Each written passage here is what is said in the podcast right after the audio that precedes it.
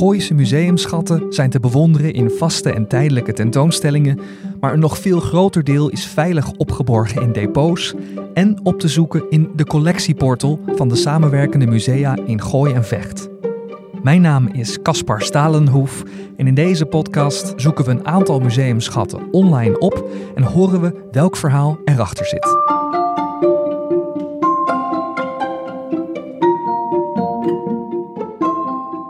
Op een warme zomerdag in 1899 in het dan nog boerendorp Blaricum loopt een boer op klompen met een kruiwagen naar een schuur.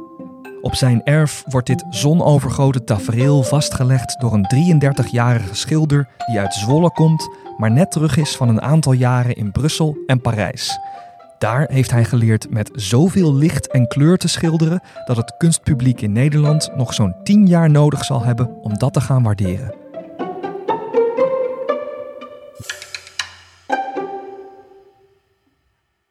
Het Gooi bestond rond het jaar 1900 vooral uit platteland, met kleine dorpen en veel boerderijen. De eerste stedelingen die daarop afkwamen waren kunstenaars. Kort na 1870 kwamen de eerste uit Amsterdam om het boerenleven op doek te zetten. Jozef Israëls, Anton Mauve, Albert Neuhuis. En als je op de collectieportal gooisemuseumschatten.nl bijvoorbeeld zoekt op boerderij, dan kun je er een aantal zien. Op een foto uit het Huizermuseum, maar vooral op schilderijen uit Museum Singer Laren. Met onder andere de boer met zijn kruiwagen op die warme zomerdag in 1899. De 33-jarige schilder was Co Breeman. En toen ik naar het schilderij ging kijken, hing het nog in het depot. Anne van Liende, conservator bij Singer, nam me mee. Dan komen we dus in de grote ruimte vol met hekken. Heel veel schilderijen. Ja, en bij de B van Breeman Juist. hangen drie schilderijen. Twee kleine landschapjes en dit is het boerenerf. Is een heel groot doek. Je moet je voorstellen dat het 1 meter breed is en bijna anderhalve meter hoog. En je kijkt op een boerenerf met een rietgedekte boerderij. Grote hooiberg daarachter en een huis en dan de hervormde kerk van Blaricum. En je ziet dan voor die boerderij op de voorgrond zo'n mooi klinkererf met een waterpomp. En dan ook nog heel precies daarin aangegeven dat die wel geschilderd is, die waterpomp in groen, maar allerlei verf bladdert daarvan af. En er zit zelfs een houten plank als reparatie opgetimmerd. Ja. En die is dan weer niet groen geschilderd. Ehm, en als je dan wat meer naar links kijkt, dan zie je voor de grote opgestapelde hooi van die hooiberg staat een boer met een kruiwagen. Ja. Dat is natuurlijk precies waarom de schilders allemaal naar Laren kwamen. Om die eh, eenvoudige, dat eenvoudige boerenleven, die pure manier van leven in dat dorp, ongereptheid, dat te laten zien. Ja. En ehm, wat verder opvalt is dat het een, ehm, als ik er een eh, seizoen aan zou moeten koppelen, dan denk ik dat het zomer is. De, zijn, de schaduwen zijn kort. Het is, eh, het, is, het is een warme, zonnige dag. Ja, het is heel helder licht en je ziet allemaal lichte kleuren. Maar daar overheen, eigenlijk overal in al die kleuren, zie je een soort lila steeds terugkomen. Ja. En blauw steeds terugkomen. Met een soort van filter Groen. overheen te zitten of zo. Hè? Daar moet ik het dan een ja, beetje aan ja, denken. hij heeft echt, hij heeft niet één kleur gekozen, maar in elk vlak, in elke eh, verschillende eh, element zie je allerlei verschillende kleuren naast elkaar, die dus samen een tint vormen. Ja, ja. En dat, gaat je dan, dat ga je ook wat meer opvallen als je denk ik heel dichtbij zit. Maar op afstand valt dat wat beter samen. Hè? Dat Ja. is dan natuurlijk ook het idee. Ja, op afstand en door je oogharen gekeken mengt dat tot één kleur. En hoe dichter bij je komt, hoe meer die verschillende tinten je gaat ontdekken. Ja. Hier zie je echt dat Ja. groen en dat blauw en dat lilaige naast elkaar. Ja, dat is... En hier is het veel meer streepjes. En ook in die, in die hooiberg zie je echt langgerekte streepjes en dat allemaal naast elkaar. ja, dus er zitten verschillende soorten toetsen eigenlijk die hij Ja. voor de verschillende soorten materialen heeft Ja, toegepast. lichter en donkerder lila, geel-groen en donkerder groen en blauw en rozig en paars. Als je er echt met je neus bovenop staat, dan zie je al die verschillende Ja. schakeringen van tinten naast elkaar die samen vanaf een afstand één kleur maken. Ja.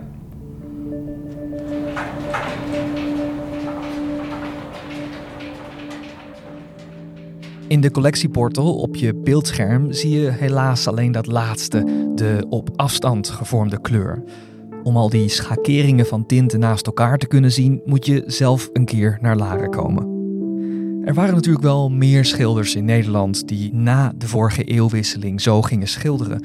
Maar de schilder van dit boerenerf uit 1899 was een van de eerste. Ja, want deze schilder, Ahasuerus Jacobus Breeman, Ja. en hij wordt altijd Co genoemd, hij, hij Ja. signeerde ook zo, Co Breeman, Ja, Ehm, werd geboren in Zwolle en hij heeft aanvankelijk een opleiding eigenlijk tot om te leren tekenen gevolgd. Mhm. En hij begon zijn werk ook als decoratieschilder. Maar hij wilde eigenlijk schilderen en hij wilde zich ook verder ontwikkelen Mhm. als eh, zelfstandig schilder. En daarvoor is hij naar Brussel gegaan in 1890. ja. Rond de 25 jaar oud was hij toen. In Brussel wilde hij de, aan de Académie de Beaux-Arts werken. En ja, op die plek viel hij ook meteen met zijn neus in de boter, want daar waren allemaal schilders aan het werk. Eh, de kunstenaarsvereniging Lavin, de 20, was Ja. daar opgericht een aantal jaar eerder. En zij keken heel erg naar wat er in Parijs gebeurde. Want daar was in de jaren 1870 het impressionisme ontstaan. Een manier van schilderen waarin het niet ging om het vastleggen van precieze details, maar om de indruk van vluchtige, vaak zonnige momenten in opgevoerde kleuren en vlugge kwaststreken. Die techniek was in Parijs zelfs al zo gemeengoed geworden dat nog voor Bremans tijd in Brussel vanuit het impressionisme alweer een nieuwe stroming was ontstaan: het pointillisme. Ja, toen kwam in 1886 Georges Seurat met zijn grote schilderij zondagnamiddag op het eh, eiland van La Grande Jatte. Ja. Dat is een heel groot schilderij. En wat daaraan opviel was hoe het, de techniek van het schilderen, hoe het geschilderd was. Ja. Met allemaal stippeltjes naast elkaar. Ja, dus dat is ook net. We hebben er net, eigenlijk net al naar gekeken, zoals bij Breeman, dus twintig jaar later ook. Eh, valt je dus op hoe dichter je bij dat schilderij komt? Het bestaat uit stippen. Ja, En ja, hoe verder je wegkomt, hoe minder dat opvalt. ja. Maar daar ging het zo om natuurlijk. ja voor Seurat zat, zat daar echt een theorie achter. Ja, Eh, hij wilde die stippeltjes in ongemengde kleuren naast elkaar aanbrengen. En dan wilde hij dat dat zeg maar in het oog van de kijker met elkaar mengde. ja, Dus ook vanaf een bepaalde afstand. Maar het nadeel van die techniek van Georges Seurat was dat het heel stijf was. En dat het, nou, het is natuurlijk een soort monnikenwerk, hè? Ja. Die kleine stippeltjes naast elkaar. En eh, dat effect wat hij wilde nastreven, ehm, dat, dat ging Breeman ook doen. Maar je ziet dat hij dat op een lossere, vrijere manier doet. Dus hij kiest ervoor om die verschillende tinten naast elkaar eh, in korte streepjes en soms wat meer stippels eh, op het doek aan te brengen. ja. En als je dan meer afstand neemt, dan wordt dat één tint. Ja. Dan mixt dat ook in je oog. Dus Precies. ja, hoe verder je van dat schilderij afstaat, hoe echter het lijkt. ja. Maar hoe dichter je bij komt, dan zie je ineens al die verschillende kleurtjes naast elkaar opdoemen. ja. In streepjes, in stippels, in een soort blokjes. Ja, en dat, het lijkt me dus lastig als schilder, want je als schilder, je arm is, is maar zo lang, moet je het dus op korte afstand ehm, voor elkaar zien te krijgen. En waarschijnlijk moet je dan als schilder ook steeds een paar meter naar achter lopen om te kijken of je de goede kant op gaat, of het werkt. Ja, zeker met zo'n groot doek. Ja. Eh, hij zal heel wat stappen hebben afgelegd in zijn atelier in Blaricum. precies. Ja. Want hij zal het schilderij op het boerenerf hebben opgezet of voorstudies hebben gemaakt, maar toch wel in zijn atelier hebben afgemaakt. Breeman was twee jaar voor dit schilderij weer teruggekomen naar Nederland en ging in het Gooi wonen, in navolging van de schilders van twintig jaar eerder. Breeman is daarmee onderdeel van een nieuwe generatie Larense kunstenaars, die sterk was beïnvloed door de technieken van het impressionisme en het pointillisme. En vooral ook die kleuren die wij nu heel. Ja, die accepteren wij nu, die kleuren. Het zijn lichte pasteltinten. Er zit geel, groen, blauw, lila in. Ja, Maar voor die tijd had dat een soort helheid en een soort lichtheid. Ja, die was ongekend. Ja, want dus eigenlijk ook die schilders daarvoor hier in, in Laren, wat dan ook wel eens als de Larense school wordt genoemd, ehm, hun palet was veel donkerder. Ja, hun palet was natuurlijk. Ja. Bruine, groene, ja, grijze, die je ziet. blauwe. Ja, de kleuren die je ziet, maar ook wel met een lichte voorkeur voor eh, Mhm. ja, een beetje dat nevelige en het mystieke. Hè? En deze schilders die draaien dat om. Uh, iemand uh, die dat ook doet op dat moment in Laren is Ferdinand Hartnibberig.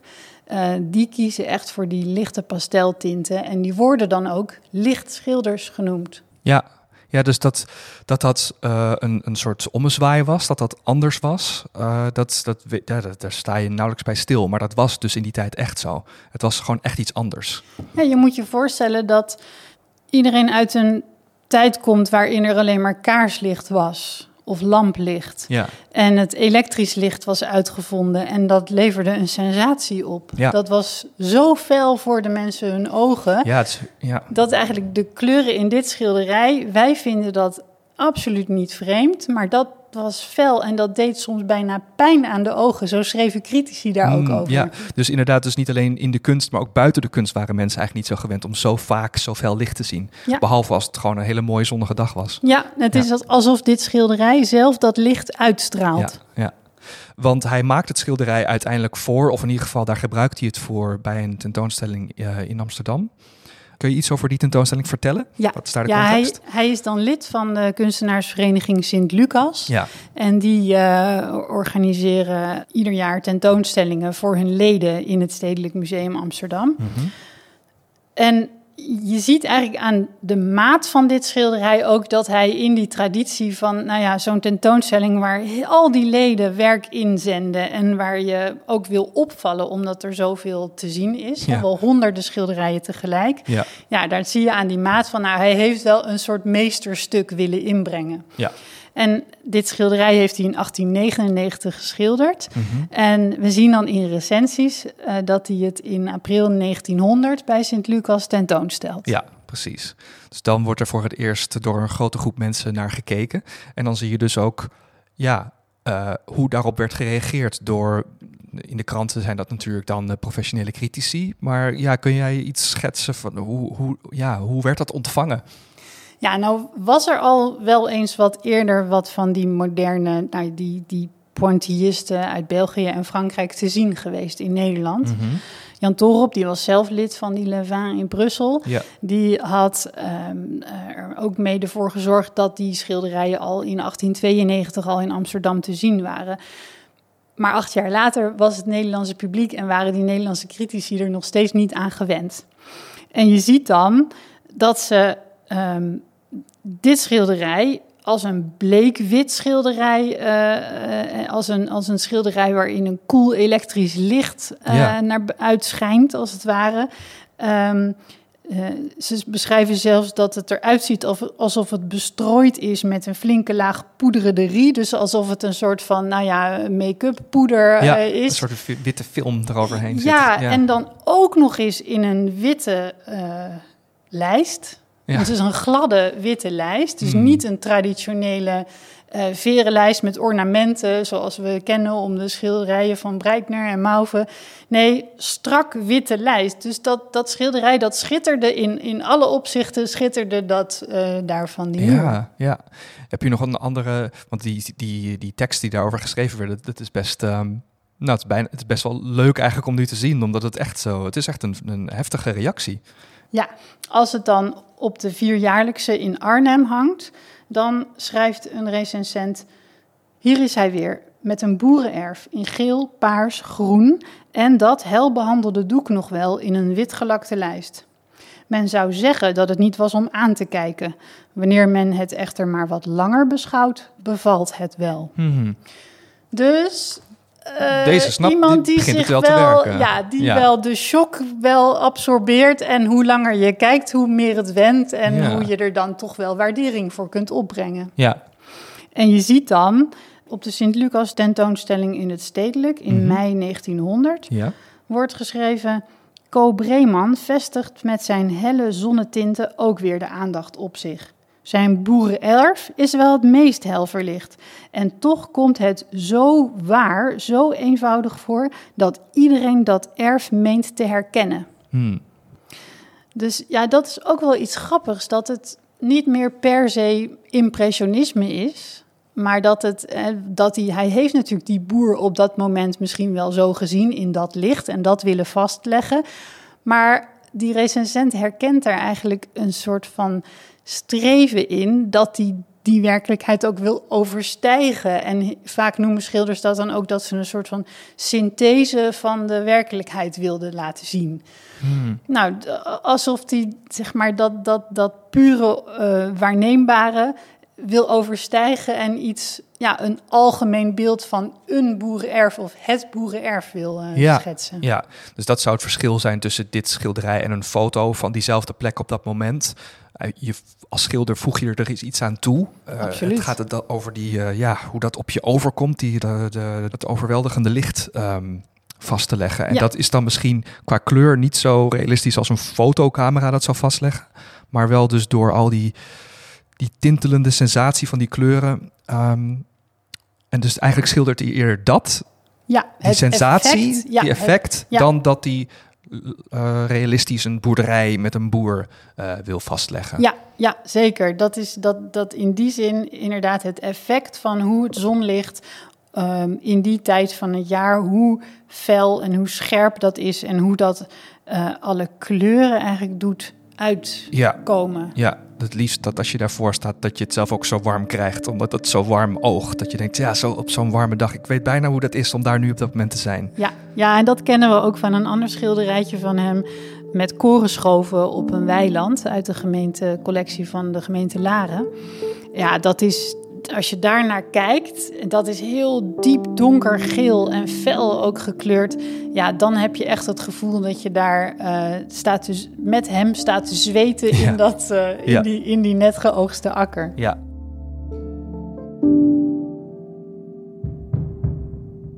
Um, dit boerenerf slaat dan in 1900 wel echt in als een bom. Ja.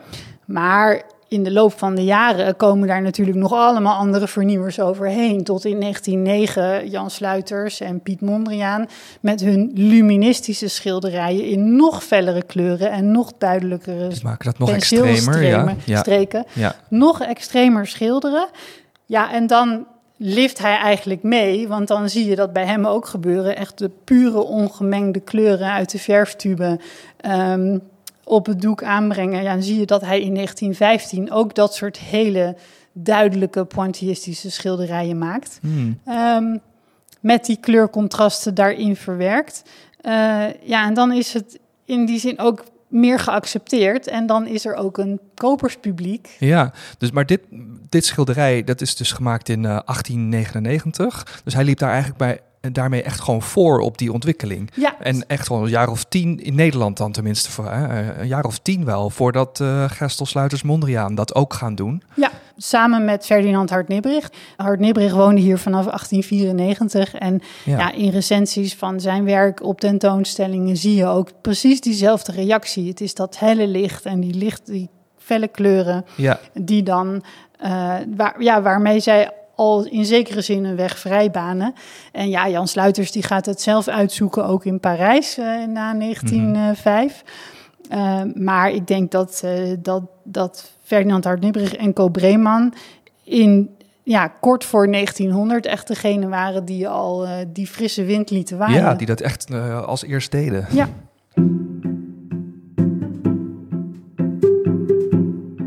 Doek zit nu in de collectie van Singer Laren, maar pas vanaf 1968, twaalf jaar na de oprichting van het museum en zes jaar na het overlijden van de oprichter, Anna Singer.